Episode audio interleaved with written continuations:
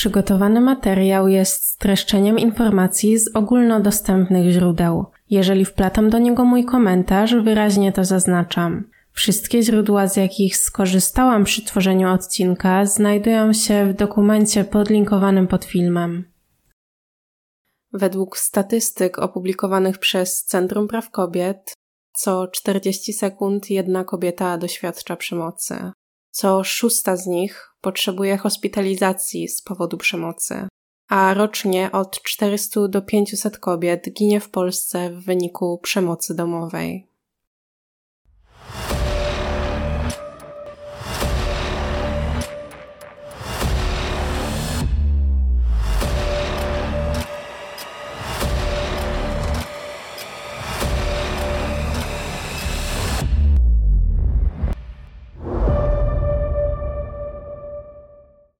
Część pierwsza. Patrycja. O sprawie, którą poruszę w tej części odcinka, jest relatywnie mało informacji. Z zasady nie jest to więc ten rodzaj spraw, które tu omawiam, bo lubię zagłębiać się w detale, jak już pewnie zauważyliście. Natomiast zdecydowałam się ją mimo to poruszyć, aby zwrócić uwagę na pewien problem bo chyba dawno żadna historia kryminalna mnie tak nie poruszyła jak ta. Momentami jak o niej czytałam, to odczuwałam wręcz irytację.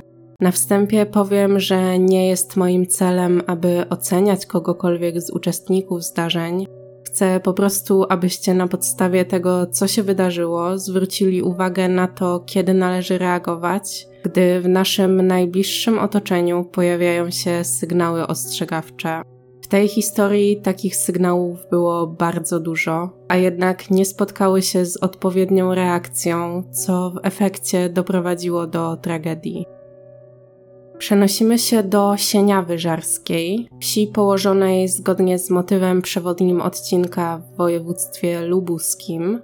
Wieś jest położona obok miasta Żary, które może niektórzy z Was skojarzą. Obie te miejscowości dzieli niecałe 6 km i według Google samochodem można dojechać z jednej do drugiej w około 10 minut. Dodatkowo, gdyby mieszkaniec Sieniawy Żarskiej chciał się wybrać na wycieczkę do Niemiec, to granicę może przekroczyć już po niecałych 40 minutach.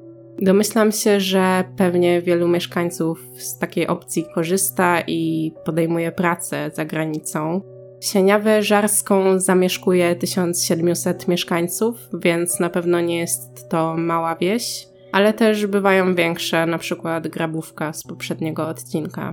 Wydarzenia, które będę omawiać, dzieją się na przełomie roku 2020 i 2021 Chyba w miarę dobrze pamiętamy te czasy, więc nie będę opisywać, co się wtedy działo. W skrócie to pandemia, lockdown i limity osób na spotkaniach świątecznych i noworocznych. W tym czasie w Sieniawie Żarskiej mieszka 25-letnia Patrycja. Dziewczyna jest bardzo pogodna i optymistycznie nastawiona do życia.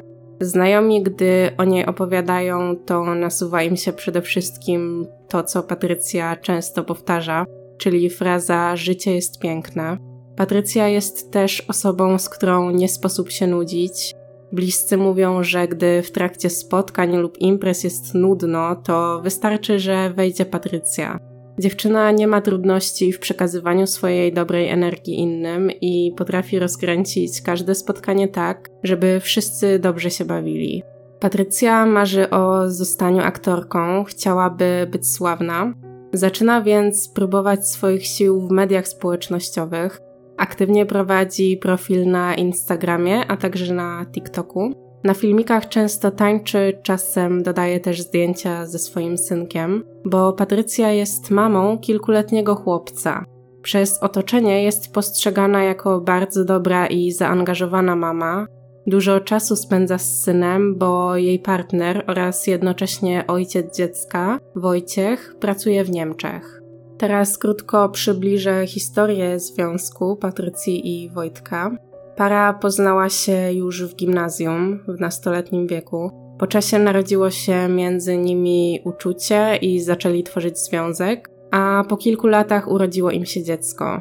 Mężczyzna nie uczestniczył aktywnie w wychowaniu syna przez cały czas, bo przez półtora roku przebywał w więzieniu za posiadanie i handel metamfetaminą. Po wyjściu wydawało się, że się zmienił. Zamieszkali razem z Patrycją i synkiem. Wojtek znalazł pracę za granicą, gdzie przebywał od poniedziałku do piątku. Na weekendy natomiast wracał do domu i spędzał czas z rodziną. W trakcie tygodnia, gdy Wojtka nie ma na miejscu, w opiece nad dzieckiem Patrycji pomagają członkowie rodziny. Jej rodzice rozwiedli się już kilka lat temu, potem tata wyprowadził się do Belgii i tam został na stałe, natomiast jej mama pozostała w Sieniawie. W tej samej miejscowości mieszkają również rodzice Wojtka, więc obie babcie są bardzo zaangażowane w zajmowanie się wnukiem. Dodatkowo Patrycja ma też bardzo dobry kontakt ze swoją kuzynką Oliwią. Dziewczyny są w zbliżonym wieku, dużo czasu spędzają razem, wygłupiają się, często też tworzą razem filmiki na TikToka. Niestety, mimo wsparcia ze strony rodziny, Patrycja nie czuje, aby takie samo wsparcie otrzymywała od swojego partnera. Dodatkowo zaczyna dostrzegać, że chyba nie do końca do siebie pasują i zaczyna zastanawiać się, czy nie byłoby jej lepiej bez Wojtka.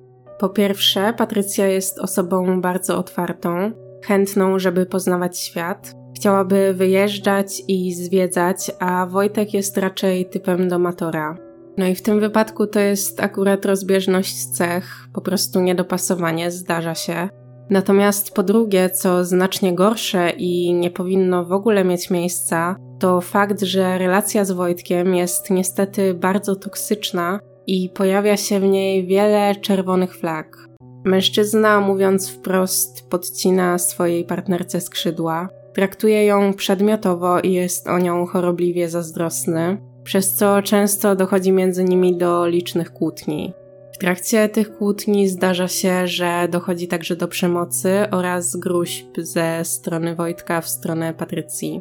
Kolejna taka kłótnia ma miejsce, gdy Patrycja podejmuje decyzję, że chce rozpocząć nowy etap zawodowy, a mianowicie pracę w wojsku. Nie znalazłam informacji skąd takie aspiracje, czy wcześniej może chodziła do jakiejś szkoły mundurowej, być może tak. W każdym razie w jakiś sposób ubiegała się o tą pracę i zależało jej na niej. No i finalnie udało się. Patrycja dostała propozycję objęcia stanowiska i pełnienia nowych obowiązków po nowym roku, dokładnie od poniedziałku 11 stycznia 2021 roku. Cała rodzina bardzo się z tego cieszy, bo wiedzą, że Patrycji zależało na tej posadzie. Jedynie Wojtek nie jest zadowolony. Jest wręcz wściekły, bo dla niego praca jego partnerki w wojsku nie jest równa z tym, że będzie ona realizować jakieś swoje cele, marzenia i aspiracje, a jedynie wiąże się z tym, że będzie pracować wśród wielu mężczyzn, z którymi będzie utrzymywać kontakty i na pewno wtedy go zdradzi. Patrycja tłumaczy, że to jest absurd, ale on tego w ogóle nie rozumie. Dziewczyna, mimo takiej reakcji, nie chce rezygnować ze swoich celów. Ostatecznie podejmuje decyzję, że chce się rozwijać, a związek jej to uniemożliwia. Informuje Wojtka, że to definitywnie koniec między nimi. Mężczyzna przyjmuje to bardzo źle, zdaje się do niego nie docierać, że Patrycja zakończyła związek. Jako, że ma dobry kontakt z jej mamą, to dzwoni do niej i prosi, żeby porozmawiała ze swoją córką. Kobieta zgadza się i podejmuje rozmowę. Dziewczyna mówi jej, że nie chce już być z Wojtkiem i wyjaśnia powody dlaczego. Mimo świadomości odnośnie tego, jak chłopak traktuje jej córkę, mama namawia ją, żeby jeszcze trochę pobyli razem, bo mają dziecko. Dodam, że w źródłach nie jest to powiedziane wprost, ale według mnie da się wywnioskować, że Patrycja nie ograniczała kontaktu Wojtka z synem i nie na tym jej zależało. Utrzymywali kontakt, żeby mężczyzna mógł widywać dziecko.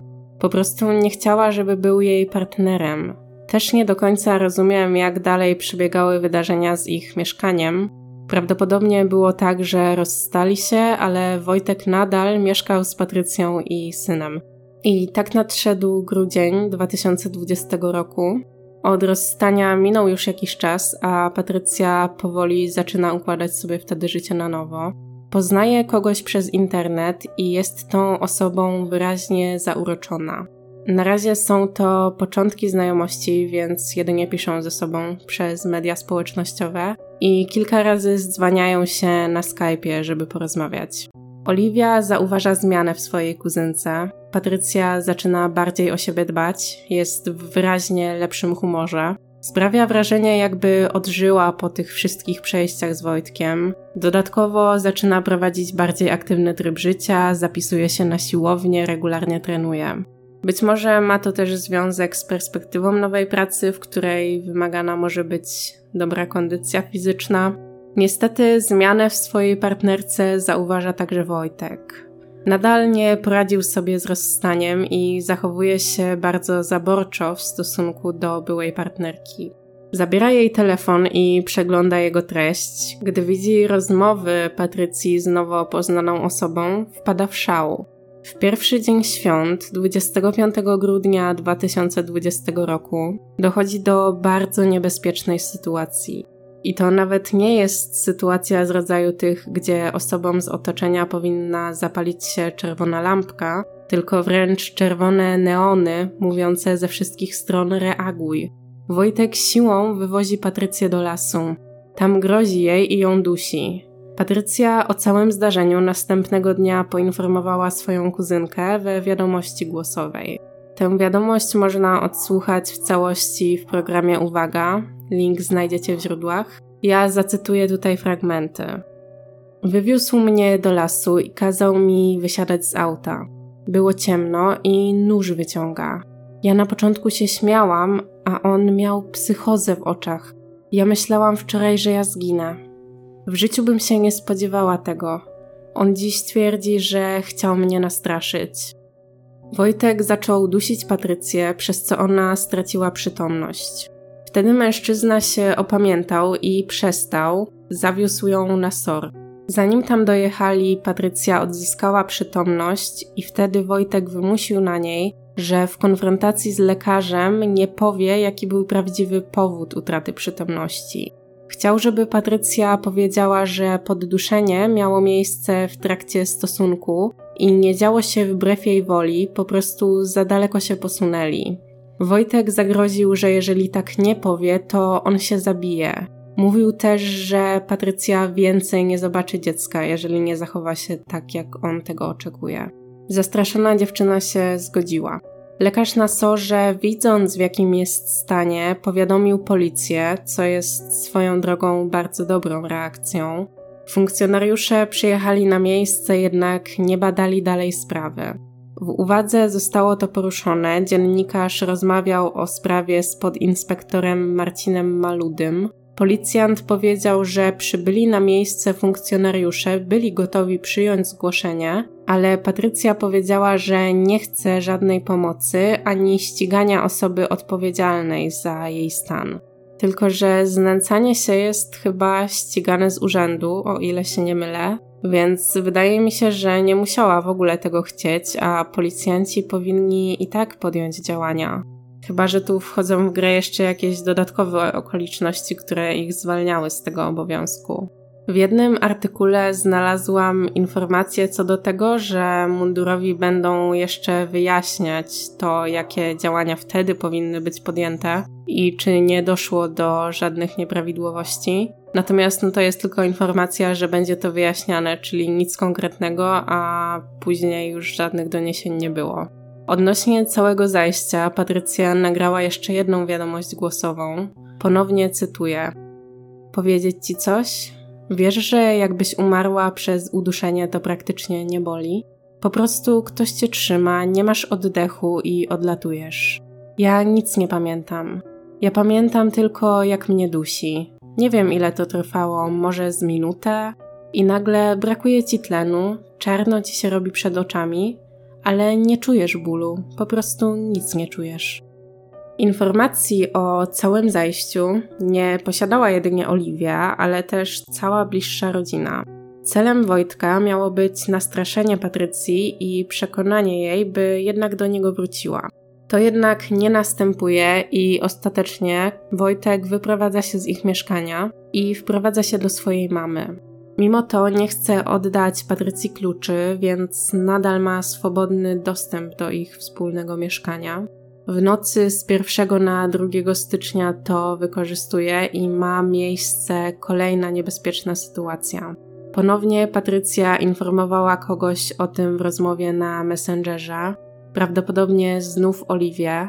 Na YouTube zamieszczam zrzut ekranu z tej rozmowy. Jeżeli ktoś słucha mnie na Spotify, to też streszczę. Z tego co rozumiem, to Wojtek wtedy dostał się do mieszkania za pomocą klucza, którego nie oddał. No chyba, że spał tam z jakiegoś powodu. W każdym razie dziewczyna pisze, że o trzeciej stanął nad nią i zaczął ją dusić, o trzeciej w nocy.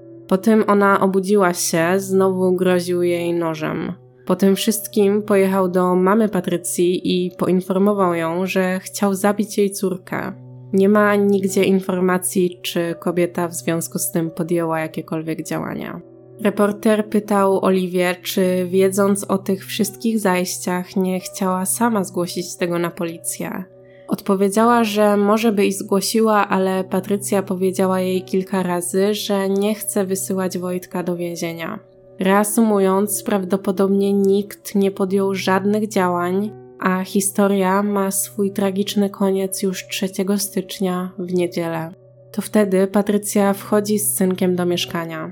Wojtek już tam jest i stoi schowany za drzwiami. Gdy dziewczyna wchodzi, on szarpie ją i łapie za szyję od tyłu. Ma ze sobą nóż, nagle pojawia się krew. Patrycja ucieka do łazienki.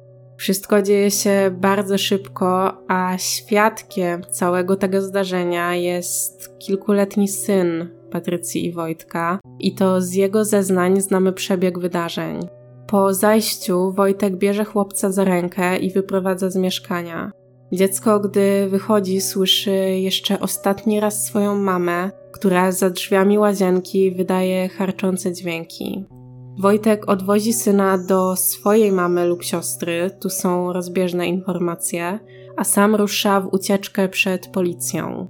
Jedzie jeszcze na chwilę spotkać się z kolegą. Z zeznań tego kolegi wiemy, że Wojtek przyjechał do niego po nóż i sznurek. Już wtedy miał jakąś ranę na brzuchu i prawdopodobnie był pod wpływem narkotyków. Powtarzał, że nie pójdzie do więzienia i nie da się złapać. W nocy z 3 na 4 stycznia ciało Patrycji zostaje znalezione w jej mieszkaniu w łazience. W źródłach nie było informacji, kto ją odnalazł. Zapewne był to ktoś z bliskich, kto przyszedł sprawdzić, co się dzieje, że Patrycja nie przyjechała po syna do babci. W mediach są zdjęcia wejścia do domu i ustawionych przed nim zniczy. Drzwi wyglądają na nich na mocno zdewastowane, więc być może ktoś wchodził do środka siłą. Sekcja zwłok wykazuje, że dziewczyna zmarła gwałtownie przez wykrwawienie spowodowane ranami ciętymi w okolicach szyi. Sprawa została niezwłocznie zgłoszona policji. Na podstawie zeznań bliskich funkcjonariusze nie mieli wątpliwości, kogo powinni szukać. Ich pewność dodatkowo wzmacnia list, który znaleźli na miejscu zdarzenia. Jest to list, który napisał Wojtek, i w tym liście przyznał się do tego, że zabił swoją partnerkę. I to jest najważniejsza informacja, która jest podana w mediach, natomiast dokładna treść listu nie została przekazana do wiadomości publicznej. Śledczy podejrzewają, że Wojtek prawdopodobnie ucieknie za granicę. Jego wizerunek otrzymują więc patrole Straży Granicznej oraz mundurowi z przygranicznych terenów w Niemczech. Dodatkowo sprawa jest nagłaśniana medialnie.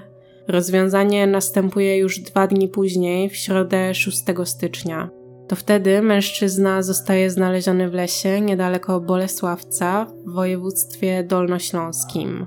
Mimo tego, że jest to inne województwo, to odległość nie jest aż tak duża, bo Bolesławiec i Sieniawę Żarską dzieli niecałe 70 km, czyli około godzina jazdy samochodem. Śledczy po odnalezieniu Wojciecha wiedzą, że nie zostanie on skazany przed sądem, bo mężczyzna nie żyje. Późniejsza sekcja zwłok potwierdziła przypuszczenia, że była to śmierć samobójcza poprzez powieszenie. W programie Uwaga można usłyszeć kilka wypowiedzi bliskich Patrycji. Wydźwięk jest taki, że wiedzieli o problemie, ale nie podjęli działań, przez co teraz czują się winni. Zacytuję w tym miejscu wypowiedź Oliwii. Nie spodziewałam się, że on może się do czegoś takiego posunąć. No, groził jej wcześniej. Myśleliśmy z partnerem, że to jakieś żarty po prostu, złe dni i tak dalej. Mama Patrycji mówiła o tym, że gdyby wiedziała, że jej córce coś się stanie, to siłą zatrzymałaby ją u siebie w domu. Dziennikarz Marcin Jakubczyk odpowiada na to, że przecież wiedziała, że Wojciech groził jej córce śmiercią. Kobieta mówi, że tak, wszyscy wiedzieli, ale odczuli ulgę, gdy mężczyzna się wyprowadził. Jedyną osobą, która nie wiedziała o wszystkich tych zajściach, był tata Patrycji. Przypomnę, że mężczyzna na stałe mieszka w Belgii i nikt nie informował go o tym, co się dzieje na miejscu. W uwadze jest pokazane, jak odsłuchuje wiadomości głosowe, które jego córka wysyłała kuzynce. Mężczyzna jest załamany, mówi, że gdyby wiedział o wszystkich tych niebezpiecznych sygnałach, to w 10 godzin jest w stanie dotrzeć do Sieniawy Żarskiej ze swojego miejsca zamieszkania.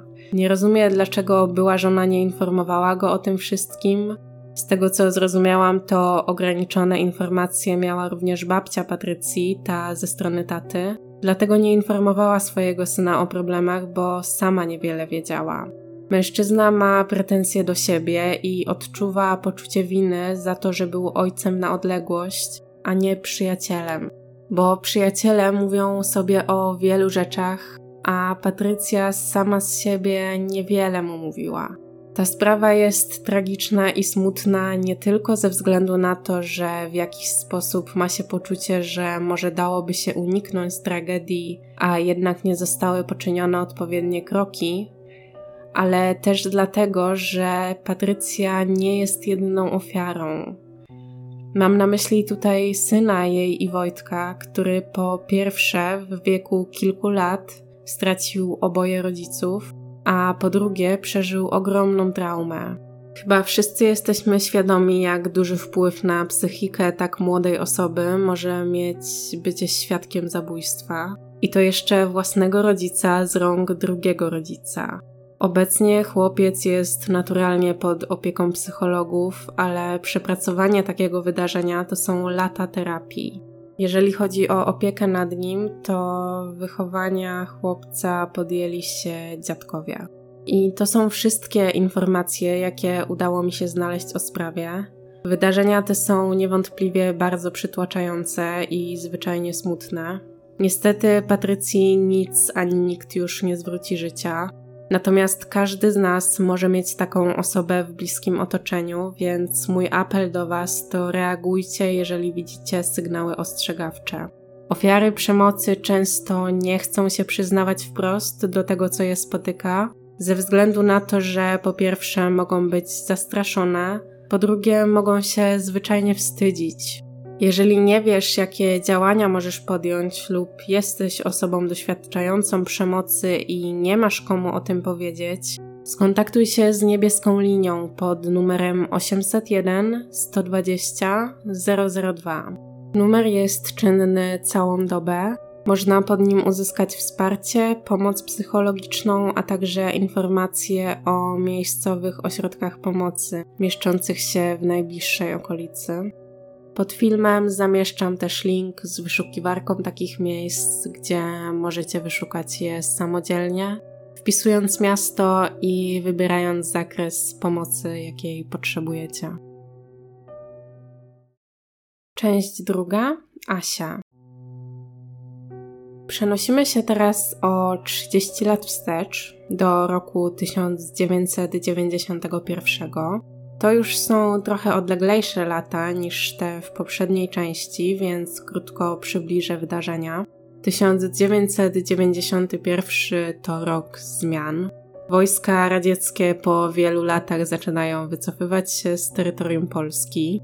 Ponadto likwidacji ulega Układ Warszawski. Obowiązki prezydenta w tym czasie pełni Lech Wałęsa.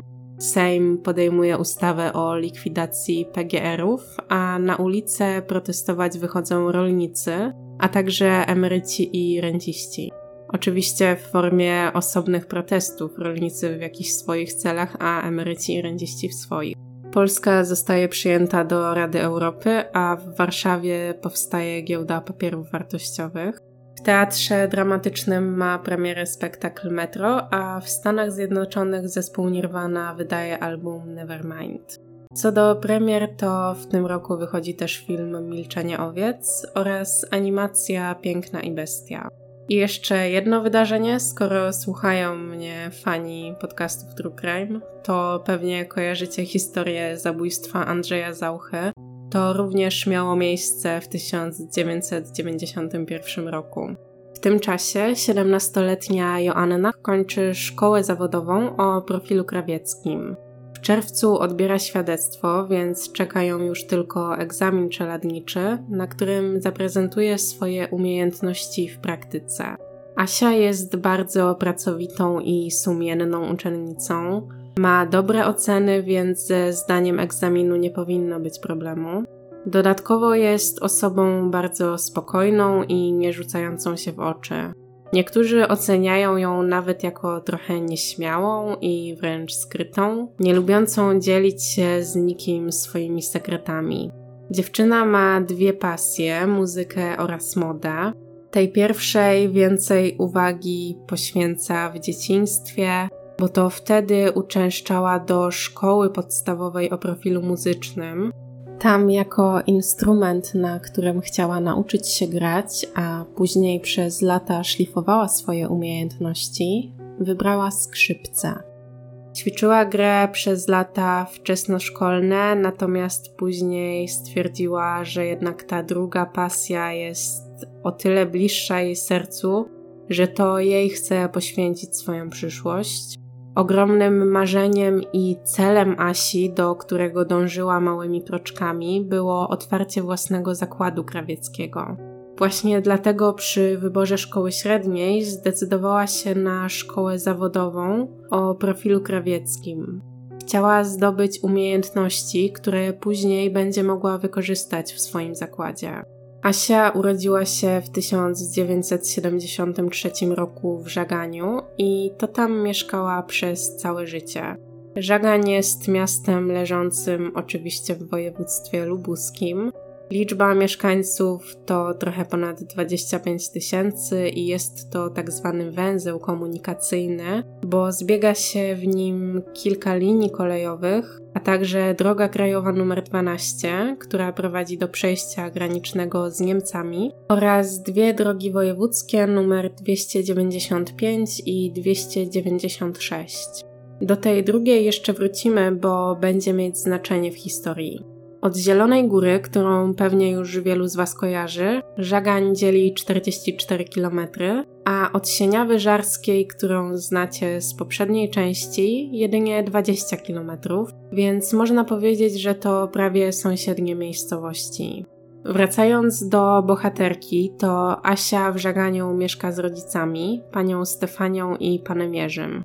Ma też dwie siostry, Lilianę oraz Annę, Liliana jest już dorosła i nie mieszka w domu rodzinnym. Po wyjściu za mąż wyprowadziła się, natomiast razem z mężem również mieszkają w żaganiu. Odnośnie Ani nie znalazłam zbyt wiele informacji. Jedynie mama dziewczyn na jednym ze zdjęć pokazywała je obie i wspominała, że razem chodziły do szkoły. To jest takie zdjęcie grupowe, wygląda trochę jak klasowe, wiecie, wszyscy stoją i siedzą w takich równych rzędach obok siebie. Możliwe więc, że Asia i Ania to rówieśniczki. Natomiast to, co wiadomo na pewno, to że Joanna z obiema siostrami miała bliską więź i dobry kontakt. Pod koniec czerwca, tak jak wspominałam, dziewczyna kończy szkołę. Ma już ustalone plany na wakacje. Przez cały lipiec chce pracować, żeby zarobić trochę pieniędzy. Przez resztę wakacji natomiast chce odpoczywać i spędzać czas ze znajomymi. Asia nie ma problemu ze znalezieniem pracy. Jej rodzice na sezon wakacyjny jeżdżą do Niesulic, miejscowości położonej nad jeziorem Niesłysz. Z tego co widziałam, to jezioro jest całkiem duże i wygląda bardzo malowniczo. Nic więc dziwnego, że ktoś zdecydował się tam otworzyć ośrodek wypoczynkowy, bo pewnie jest też wielu chętnych do odpoczynku w takiej scenerii. Korzystając z okazji, że taki ośrodek jest w pobliżu i potrzebuje pracowników na sezon wakacyjny, państwo Tomczak jeżdżą tam pracować na całe wakacje. Mama Asi jako szefowa kuchni, a tata zajmuje się recepcją. W 1991 roku dołącza do nich również Asia i pracuje tam jako kelnerka. Niesulice są położone około 80 km od Żagania, to jest dość długi dystans, jeżeli miałoby się dojeżdżać codziennie, więc rodzina na czas pracy po prostu przeprowadza się do Niesulic.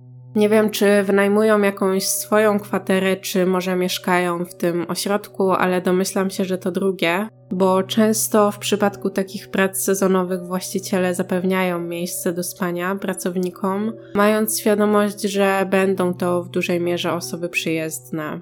Zgodnie z planem Asia pracuje od początku wakacji do środy 31 lipca. Po zakończeniu ostatniej zmiany w godzinach popołudniowych po Asie przyjeżdża jej chłopak, o 5 lat starszy Roman. Nie ma samochodu, więc przyjeżdża po dziewczynę autobusem i tak wracają razem do żagania. Rodzice Asi planują pobyt w Niesulicach przez cały okres wakacyjny, więc aby dziewczyna nie musiała mieszkać sama, to tymczasowo ma wprowadzić się do mieszkania na ulicy Konopnickiej, gdzie mieszka jej starsza siostra Liliana razem z mężem.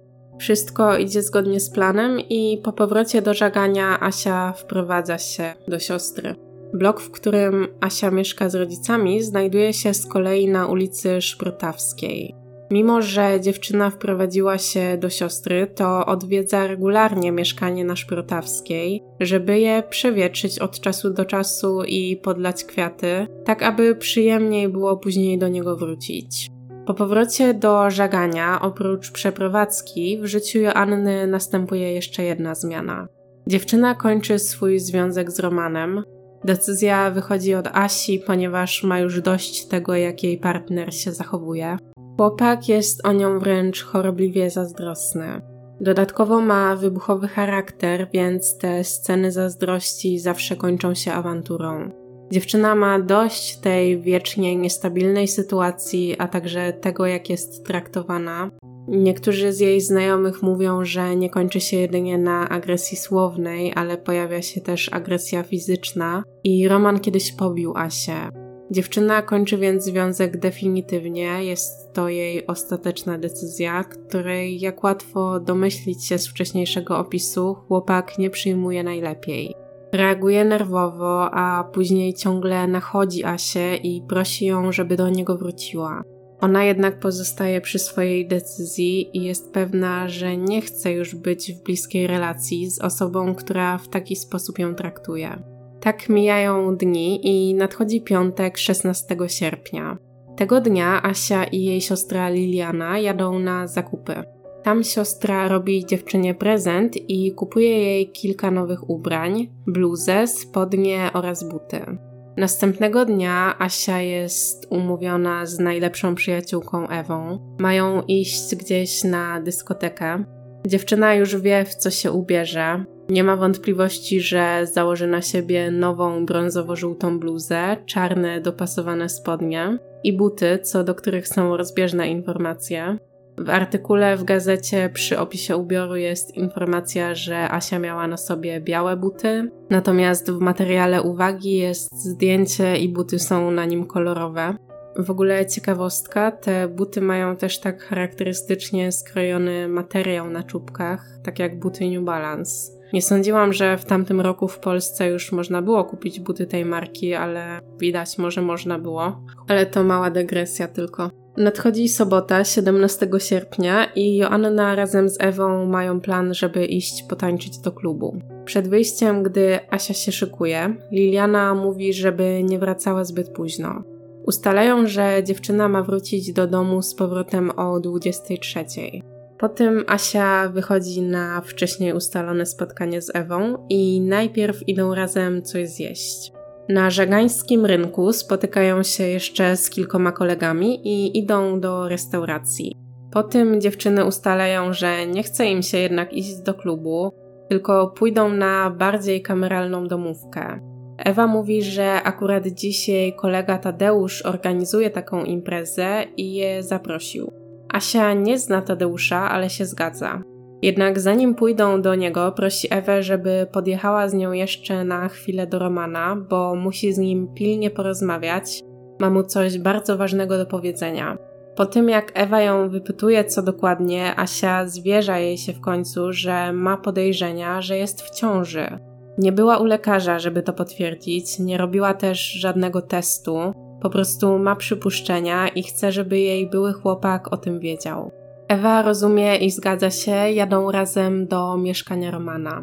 Chłopak, gdy słyszy nowe wieści, jest wściekły. Jak zawsze dochodzi do awantury między nim a Asią. Po tym dziewczyny wychodzą i kierują się do wcześniej ustalonego celu, czyli mieszkania na ulicy Spokojnej, gdzie ma odbywać się parapetówka. Impreza faktycznie okazuje się być bardzo kameralna, bo poza Asią, Ewą i gospodarzem Tadeuszem jest tylko jeszcze jedna osoba kolega Tadeusza Stanisław. Mimo małego grona, przez następne godziny wszyscy dobrze się bawią i prawie wszyscy piją dużo alkoholu. Ewa szybko się upija i zasypia, natomiast Asia jest z kolei tą jedną osobą, która w ogóle nie pije. Podejmuje taką decyzję ze względu na podejrzenie odnośnie tego, że jest w ciąży. Mimo, że nie ma pewności, woli nie ryzykować. Jej sekret zna jedynie Ewa, nie czuje potrzeby, by mówić o tym chłopakom, więc na pytania, dlaczego nie pije, odpowiada jedynie, że w domu czekają na nią rodzice i nie chce po pierwsze wracać późno, a po drugie nie chce wracać pijana. I nie są to jedynie puste słowa, ale też swoim zachowaniem Asia potwierdza taką wersję, bo około 22.20 mówi, że musi już iść do domu. Z ulicy Spokojnej na Konopnicką, gdzie Asia mieszkała z siostrą, idzie się pieszo około 30 minut, więc jeżeli dziewczyna chciała być w domu faktycznie o tej 23, którą ustaliły wcześniej, to już był ten czas, że rzeczywiście powinna powoli wychodzić. Stanisław, słysząc to, oferuje, że odprowadzi ją do domu. Asia się zgadza i razem wychodzą. Po wyjściu na dwór okazuje się jednak, że pogoda nie jest zbyt sprzyjająca spacerom, bo zaczyna padać deszcz.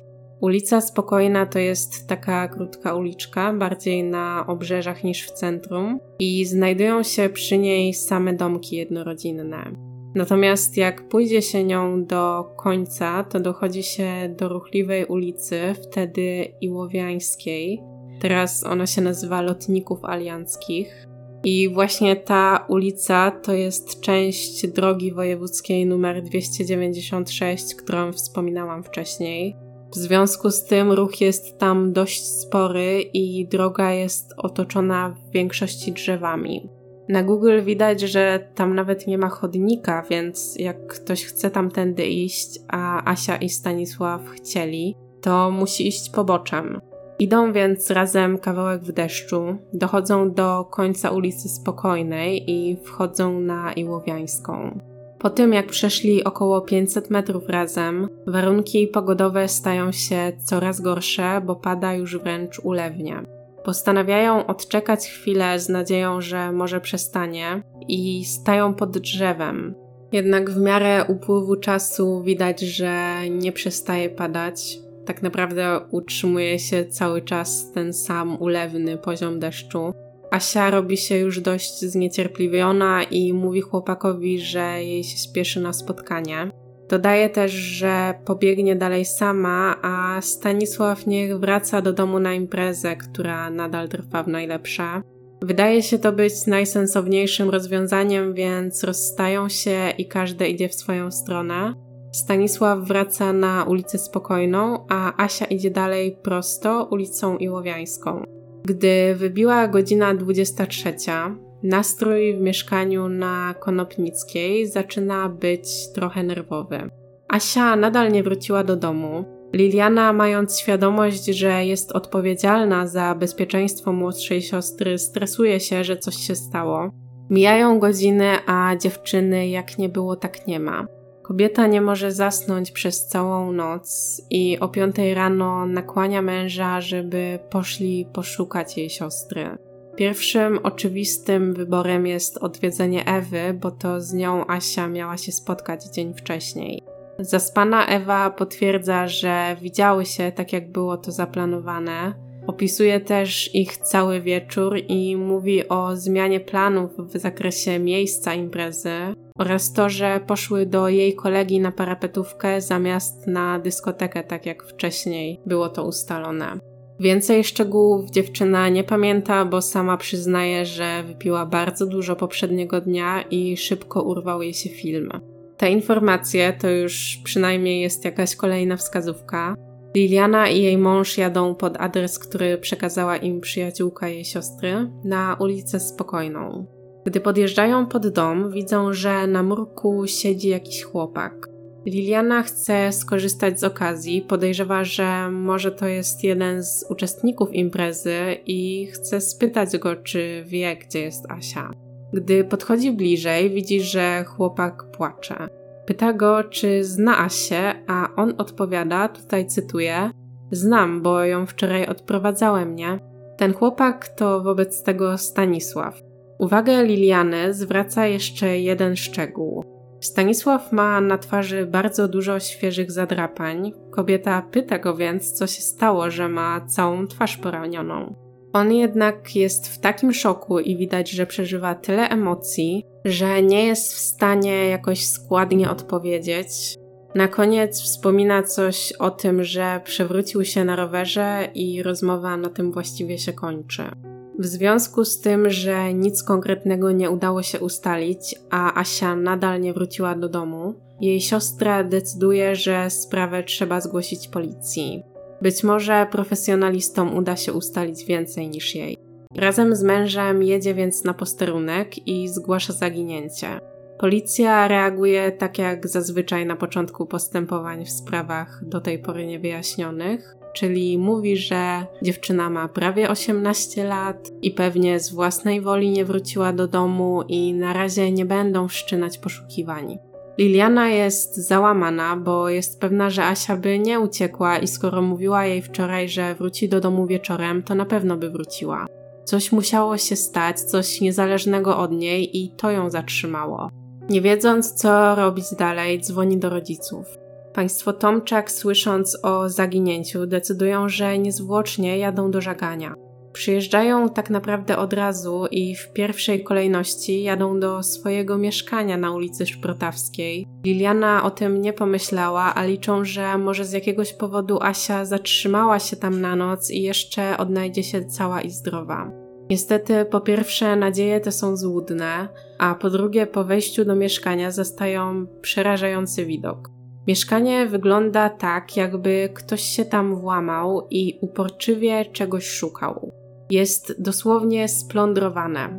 Pootwierane są wszystkie szuflady i wyrzucona jest z nich cała zawartość. Poprzewracane są półki, wszystko jest rozrzucone na podłodze. Ubrania, książki, dosłownie wszystko. Po pierwszym szoku rodzina zaczyna logicznie analizować sytuację.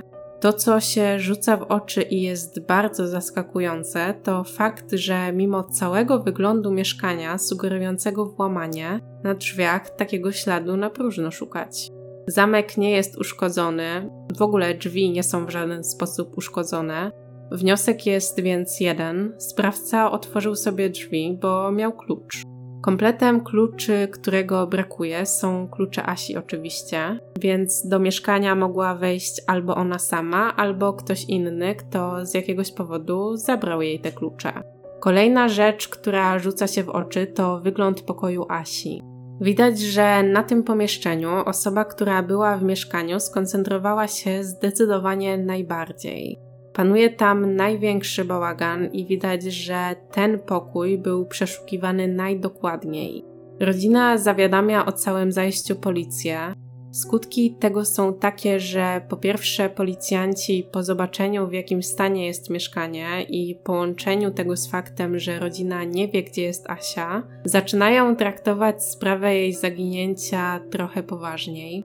Wcześniej byli przekonani, że Joanna nie kontaktuje się z rodziną z własnej woli, teraz jednak uznają, że to zaginięcie jest podejrzane. Po drugie, funkcjonariusze nie zabezpieczają właściwie żadnych śladów mogących pomóc w zidentyfikowaniu osoby, która była w mieszkaniu. Natrafiłam na taką informację w trakcie researchu, trochę dziwną, że nie pobrano linii papilarnych, na przykład z klamki, bo była ona owinięta folią. I nie rozumiem, czy to ma znaczyć, że ta folia cały czas tam była, jak rodzina przyszła do mieszkania i później policja, bo jak tak, to średnie tłumaczenie z folii da się pobrać odciski palców. Trzeba brać poprawkę, że to były wczesne lata 90., ale i tak chyba akurat techniki daktyloskopijne były już całkiem rozwinięte. Drugą opcją jest to, że może na klamce po prostu nie było odcisków w ogóle i ktoś założył, że to dlatego, że sprawca owinął ją folią przy otwieraniu i potem te folie zabrał. Tylko wtedy nie wiem skąd pewność, że to akurat była folia, a nie na przykład rękawiczka albo kawałek jakiegoś materiału albo coś innego. Przeszukania więc niewiele wnoszą, oprócz tego, że poszukiwania Asi zaczynają nabierać tempa. Po tym jak policjanci wyszli z mieszkania, państwo Tomczak zaczęli je porządkować. W trakcie tego zgodnie stwierdzili, że nie zginęły żadne cenne rzeczy, a więc nie było to włamanie w celu rabunkowym. Bardzo prawdopodobną hipotezą jest to, że w mieszkaniu była osoba odpowiedzialna za zaginięcie dziewczyny, bo raczej gdyby była to ona sama, to nie zadawałaby sobie tyle trudu z niepozostawianiem odcisków na klamce. Nawet gdyby teoretycznie nie chciała, żeby ktoś się dowiedział, że akurat była w mieszkaniu tego wieczora, to jej odciski tego nie potwierdzały. Przecież i tak przychodziła tam regularnie podlewać kwiaty, więc równie dobrze mogła zostawić odciski wtedy, a nie akurat tego konkretnego dnia. A sprawca mógł tam być, bo czegoś szukał. Być może myślał, że w pokoju Asi jest coś, co pomoże go zidentyfikować. Może dziewczyna dysponowała też czymś, co na przykład mogła ujawnić i mu zaszkodzić w jakiś sposób. W momencie, gdy tego nie znalazł u niej w pokoju, zaczął przeglądać resztę mieszkania w nadziei, że ta rzecz jest może ukryta po prostu w innym pomieszczeniu. Poza śledztwem prowadzonym przez policjantów, rodzina próbuje szukać Joanny na własną rękę. Sprawdzają każdy zakątek żagania. Rozdają zdjęcia kierowcom autobusów, licząc, że może któryś kojarzy dziewczynę, może wiózł ją feralnej nocy. Zdjęcia są również wieszane w autobusach, aby pasażerowie zapoznali się z wizerunkiem, być może ktoś coś widział. Dodatkowo rodzina sprawdza nawet studzienki kanalizacyjne, myślą, że może ktoś Asię utopił. Wszystkie te działania okazują się jednak być bezskuteczne, bo dziewczyna przepadła bez śladu. W związku z tymi wszystkimi zdarzeniami, policja rozpoczyna przesłuchania. Na pierwszy ogień idą oczywiście przyjaciele i znajomi Asi. Śledczy są pewni, że to w tym gronie znajdą odpowiedź na pytanie o to, co się stało z dziewczyną. Uzyskują informację, że w dzień zaginięcia Asia była na imprezie, nie piła, wyszła dość szybko i mówiła, że śpieszy się do domu. Uczestnicy domówki mówią również o tym, że odprowadzał ją Stanisław. Po tej informacji uwaga śledczych wyraźnie kieruje się na chłopaka. Próbują ustalić, po jakim czasie wrócił on na imprezę i jak wiąże się to z jego zeznaniami o tym, że rozstali się z Asią po przejściu około 500 metrów. Ewa nie ma zbyt wiele do powiedzenia na ten temat, bo spała. Wersję Stanisława swoimi zeznaniami potwierdza natomiast Tadeusz. Informuje policjantów, że od wyjścia Stanisława i Asi do jego przyjścia z powrotem na imprezę minęło około kilkunastu minut, co zgadzałoby się z przejściem odległości łącznie około tysiąca metrów i kilku minut na postój pod drzewem, czekając aż przestanie padać. Teoretycznie powinna to być wystarczająca informacja, tylko że przypomnę, Tadeusz w tamtym momencie był już pod znacznym wpływem alkoholu. Mógł mieć więc trochę zaburzoną percepcję upływającego czasu. Poza tym to jeszcze nie są wszystkie informacje o Stanisławie. Impreza, tak jak mówiłam, miała miejsce w sobotę. W niedzielę rozpoczęły się poszukiwania Asi, a w poniedziałek 19 sierpnia chłopak pojawił się w pracy dopiero po godzinie 16. Przyjechał samochodem swojego szefa, który to pożyczył od niego przed weekendem w piątek. Auto nie wyglądało najlepiej, wyglądało jakby w ostatnich dniach sporo przeszło. To, co rzuca się w oczy, to fakt, że auto jest bardzo brudne, a po drugie ma drobne uszkodzenia. Szef, widząc to, jest bardzo zły. Chłopak nieszczególnie umie wytłumaczyć, dlaczego w ogóle oddaje samochód w takim stanie. Wygląda to tak, jakby jeździł nim po jakichś lasach i polach, dlatego te wszystkie zabrudzenia i uszkodzenia. Dodatkowo licznik kilometrów został wyzerowany, więc nie wiadomo ile kilometrów chłopak przejechał przez weekend. Nie można tego też wywnioskować po zużyciu paliwa, bo Stanisław zatankował samochód do pełna. I teraz dziwny wątek. Gdy szef zobaczył, w jakim stanie jest samochód, to powiedział do Stanisława: Co zrobiłeś, Asi? To miało być takie pół żartem, pół serio, ale po pierwsze to raczej średni żart. Po drugie, to skąd u niego przypuszczenie, że Asi w ogóle się coś stało? To był jeden dzień po rozpoczęciu poszukiwań, więc właściwie można było jeszcze zakładać, że dobrowolnie się oddaliła. Nie wiem, czy w żaganiu jest taki dobry obieg informacji. To w końcu jest ponad 20-tysięczne miasto, chyba że to wszystko były osoby z jednego środowiska, stąd dobre poinformowanie. W każdym razie Stanisław odpowiedział na to: A pan myśli, że ja ją zabiłem? Co też jest ciekawe, bo wtedy raczej nikt jeszcze nie zakładał, że Asia nie żyje. Bardziej wyglądało to wtedy na zaginięcie, może porwanie, ewentualnie ucieczkę. Policja pod wpływem tych wszystkich informacji dość mocno koncentruje się na Stanisławie i chłopak zostaje zbadany wariografem i to badanie wyklucza jego udział w sprawie. Dodatkowo wiele osób potwierdziło, że widziało go w trakcie drogi powrotnej na imprezę. Nie wiem niestety, ile to dokładnie jest wiele osób, a to interesujące, bo ile osób mogło go widzieć na tak krótkim odcinku na ulicy, która jest właściwie na obrzeżach i to o dość późnej porze. Nie jakiejś bardzo późnej, ale też nie w środku dnia, tylko w godzinach wieczornych. Ostatecznym wydaje się być argument z wariografem, Pewnie wiele osób jest zdania, że wariograf można trochę oszukać poprzez różne techniki i nawet przy pozytywnym wyniku to jest jedynie poszlaka. Być może, natomiast być może Stanisław faktycznie nie brał udziału w tych wydarzeniach. Zachowywał się co prawda trochę dziwnie i możliwe, że miał coś na sumieniu, ale mogła być to jakaś inna rzecz, niekoniecznie związana z zaginięciem Asi. Na informacji o badaniu wariograficznym wątek Stanisława w źródłach się właściwie kończy. Kolejnym podejrzanym jest naturalnie Roman. Kluczowe okazują się zeznania Ewy, która informuje o rozmowie jego i Asi w dzień jej zaginięcia, a także o podejrzeniach dziewczyny co do tego, że może być z nim w ciąży. Chłopak jest przesłuchiwany, natomiast ma mocne alibi, więc jego wątku też już dalej nie badano. Kolejna hipoteza jest związana z narkotykami. Wielu znajomych potwierdziło, że Asia znała lokalne środowisko dealerów i osób zażywających narkotyki, natomiast sama ich nie brała. Mimo to, w związku z tymi znajomościami, wysunęło się przypuszczenie, że mogła zginąć przez działalność znajomych, dlatego że na przykład za dużo wiedziała. Policja bada wszystkie wątki, natomiast nie udaje się ustalić żadnych nowych informacji. Śledczy coraz bardziej skłaniają się ku przypuszczeniom, że Asia nie żyje. Dlatego też w momencie, gdy zostaje odkryte ciało jakiejś młodej dziewczyny, rodzice Asi są wzywani do prosektorium, aby je zidentyfikować. Każde okazanie to oczywiście jest wielka trauma i stres dla państwa Tomczak. Jeżdżą tam przerażeni, myślą, że wszystkie ich nadzieje są jednak złudne i może właśnie dowiedzą się, że ich córka jednak nie żyje. Wszystkie te okazania mają wynik negatywny. Ze względu na trudność tych przeżyć, rodzice Asi po czasie zdecydowali, że już nie są w stanie jeździć na kolejne wizyty w prosektorium i każdorazowo odmawiali identyfikacji. Teraz przenosimy się o rok od zaginięcia Asi.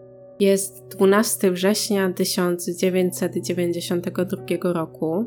Wtedy to mieszkaniec wsi, oddalonej od żagania o niecałe 30 km, wybiera się do lasu. Ta wieś to jest Mielno, bo to nie tylko miejscowość nadmorska, ale w województwie lubuskim również jest wieś o takiej nazwie. A tym mieszkańcem jest pan Józef Mazepa, który do lasu jedzie z kuzynem. Mężczyźni wybierają się tam po drzewo. Po zebraniu i zapakowaniu go do samochodu wpadają na pewien pomysł. Chcą skorzystać z trwającego sezonu i sprawdzić, czy może uda im się znaleźć jakieś grzyby. Schodzą więc z głównej drogi i wchodzą bardziej w głąb lasu. Nagle kuzyn pana Józefa zauważa wystający z ziemi but. Woła go więc i razem podchodzą bliżej, a ich oczom ukazuje się przerażający widok. W lesie leży częściowo przysypane ciało dziewczyny. Niezwłocznie informują o tym odkryciu policję, która przyjeżdża na miejsce i rozpoczyna działania. Po przetransportowaniu ciała do prosektorium o odkryciu jak zawsze zostają poinformowani rodzice Asi. Śledczy proszą ich, aby przyjechali na identyfikację, tak jak wielokrotnie robili to wcześniej. Państwo Tomczak odmawiają, uznają, że to zapewne i tak nie jest Asia, a przeżywanie kolejnego nietrafionego okazania jest zbyt bolesne. Siostra Asi Liliana również odmawia wizyty w prosektorium. Zapewne z tych samych względów, natomiast zgadza się na częściową identyfikację. Mówi, że może obejrzeć zdjęcia rzeczy, które znaleziono przy dziewczynie odnalezionej w lesie. Policjanci pokazują jej wobec tego zdjęcia ubrań, jakie zmarła miała na sobie, i w tym momencie Liliana jest już pewna, że jej siostra nie żyje. Odnaleziona dziewczyna miała na sobie ubrania, które kobieta dobrze zna, bo sama kupiła je siostrze w prezencie dzień przed zaginięciem. Liliana nie ma żadnych wątpliwości, odnaleziona dziewczyna to Asia.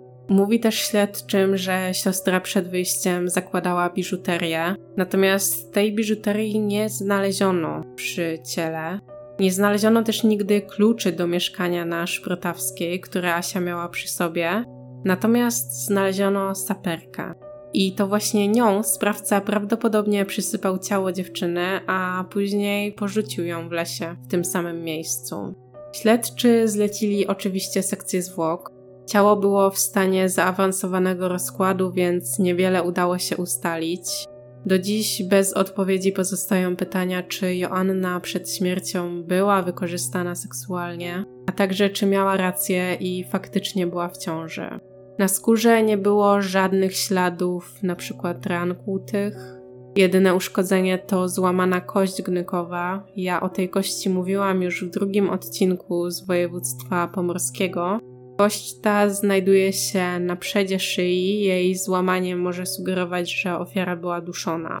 Jeden ze śledczych mówi też o tym, że kość mogła ulec uszkodzeniu podczas przenoszenia ciała, Aczkolwiek chyba bardziej prawdopodobne jest to, że Asia zmarła w wyniku uduszenia, bo żadne inne kości nie były naruszane.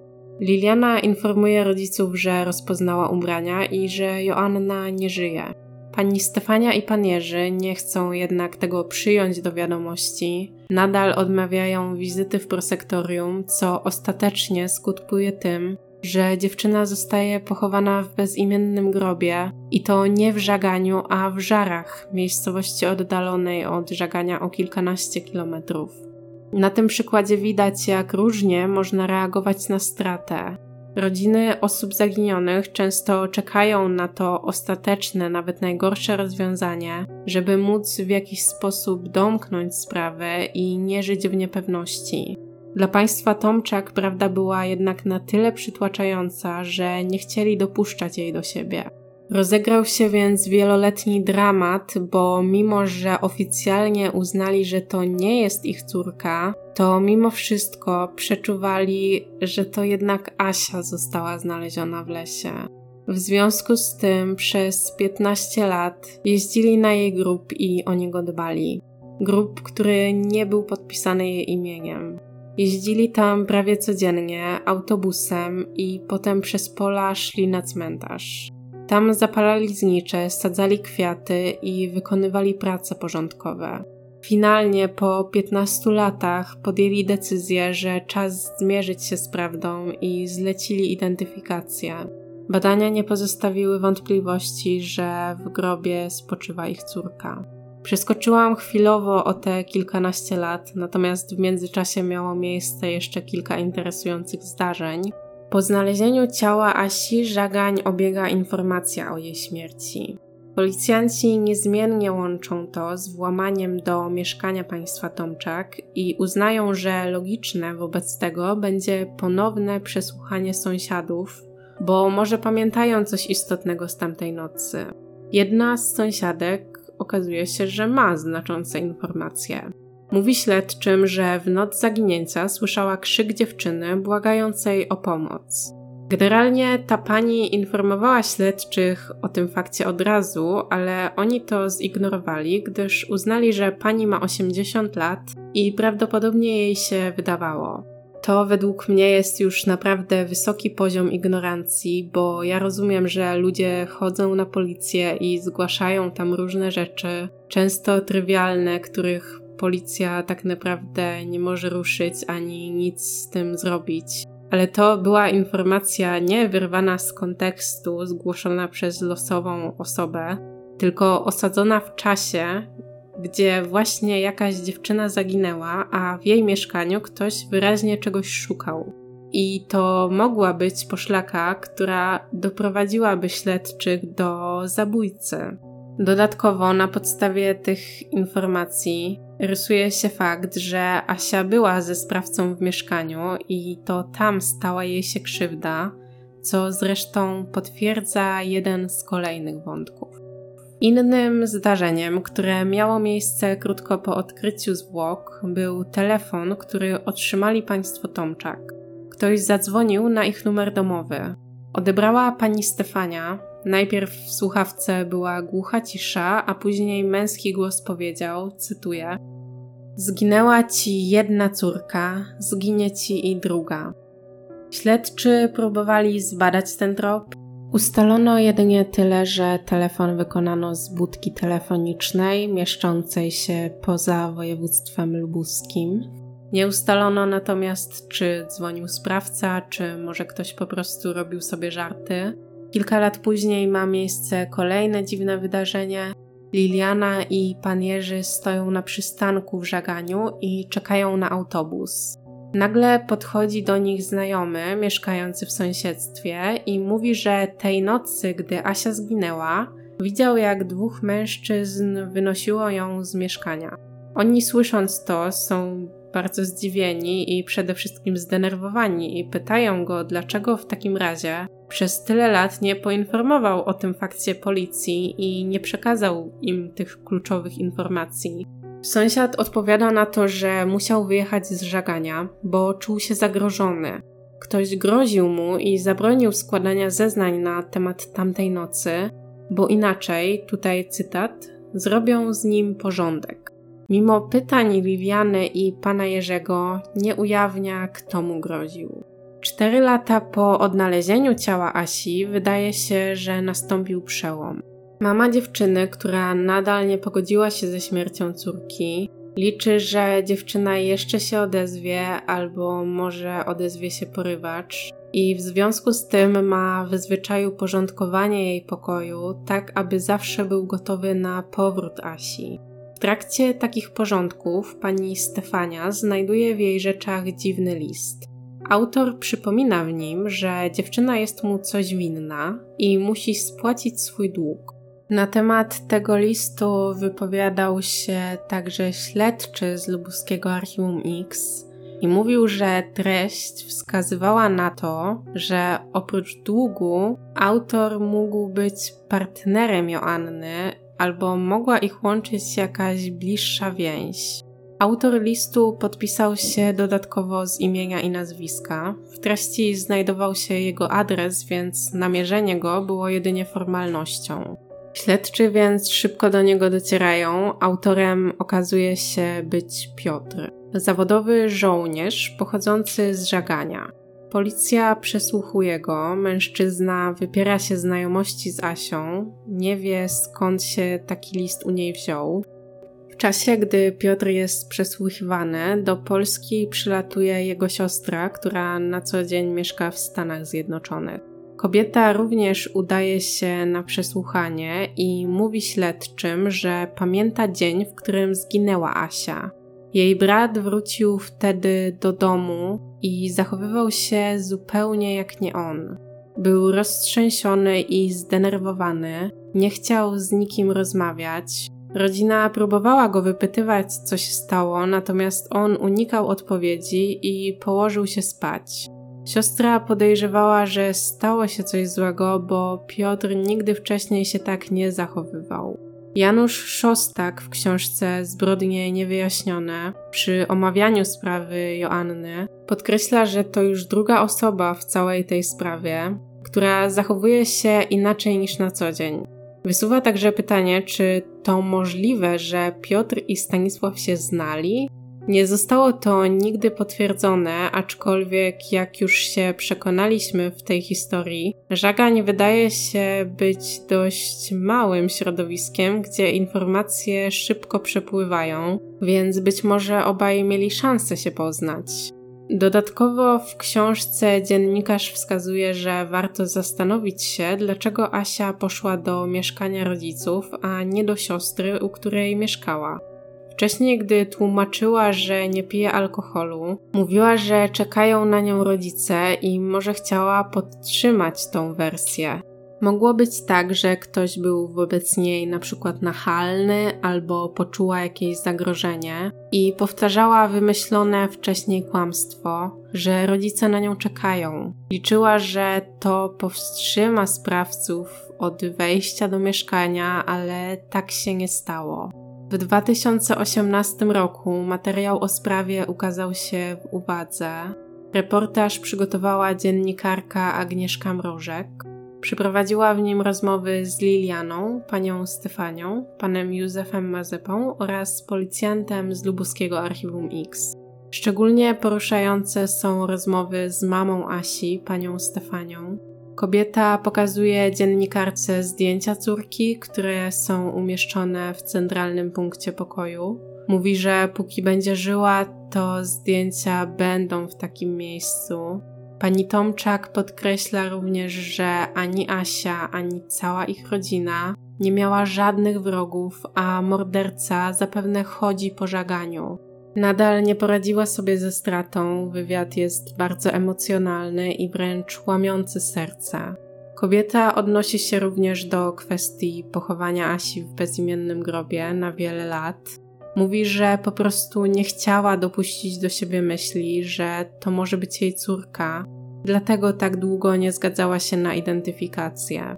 Fakt, że mordercą może być ktoś z miejscowych, przewija się również w rozmowie z panem Józefem Mazepą, który znalazł ciało dziewczyny. Razem z dziennikarką wybierają się w to miejsce, gdzie przed laty razem z kuzynem dokonali makabrycznego odkrycia. Mówi, że jest tam bardzo dobry dojazd i bez problemu da się dojechać samochodem, aczkolwiek nie jest to na tyle oczywiste miejsce, żeby znał je losowy przejezdny. Sprawca musiał dobrze znać teren, a co za tym idzie, prawdopodobnie pochodził z okolic. Sprawa do dziś pozostaje nierozwiązana, a w zeszłym roku minęło 30 lat od popełnienia zbrodni. W swojej książce Janusz Szostak wspomina o tak zwanym spoczywaniu terminu przedawnienia. Z uwagi na pandemię śledczy przez jakiś czas nie mogli wykonywać działań w terenie, mających dążyć do wykrycia sprawców. W tym wypadku prawo pozwala na odliczenie od okresu przedawnienia, czasu, w którym prowadzenie działań było po prostu niemożliwe ze względu na czynniki niezależne od śledczych. Więc tutaj ten czas na wykrycie sprawcy się wydłużył, co daje rodzinie Asi dodatkową nadzieję na to, że może jeszcze uda się odkryć, kto jest zabójcą. Niestety tata Asi zmarł w 2020 roku, ale jej mama nadal liczy na rozwiązanie sprawy. Co do samego okresu przedawnienia jeszcze, to kilka osób pod poprzednimi odcinkami pisało mi, że w przypadku zabójstw uległ on wydłużeniu i obecnie wynosi 40, a nie 30 lat. Sprawdzałam to i na stronie Ministerstwa Sprawiedliwości jest informacja, że owszem, taki projekt zmiany w prawie karnym powstał i 7 lipca tego roku reforma została przyjęta przez Sejm. Natomiast dalej informacji na ten temat nie ma, a to, że została przyjęta przez Sejm, no to jeszcze nie jest koniec procesu legislacyjnego i nie oznacza, że ta zmiana już obowiązuje. Jeżeli ktoś ma inne informacje na ten temat, oczywiście dodam informacje z rzetelnych źródeł, to możecie mi podlinkować w komentarzu albo wysłać na maila. Ja się chętnie zapoznam, no bo to jest znacząca zmiana. Sprawę zabójstwa Asi niezmiennie prowadzi Archiwum X, więc jest jeszcze szansa na jej rozwiązanie. Podobno na ubraniach dziewczyny zachował się ślad biologiczny sprawcy, więc gdy podejrzany wpadnie w ręce policji, bez trudu będzie można porównać próbkę z jego DNA.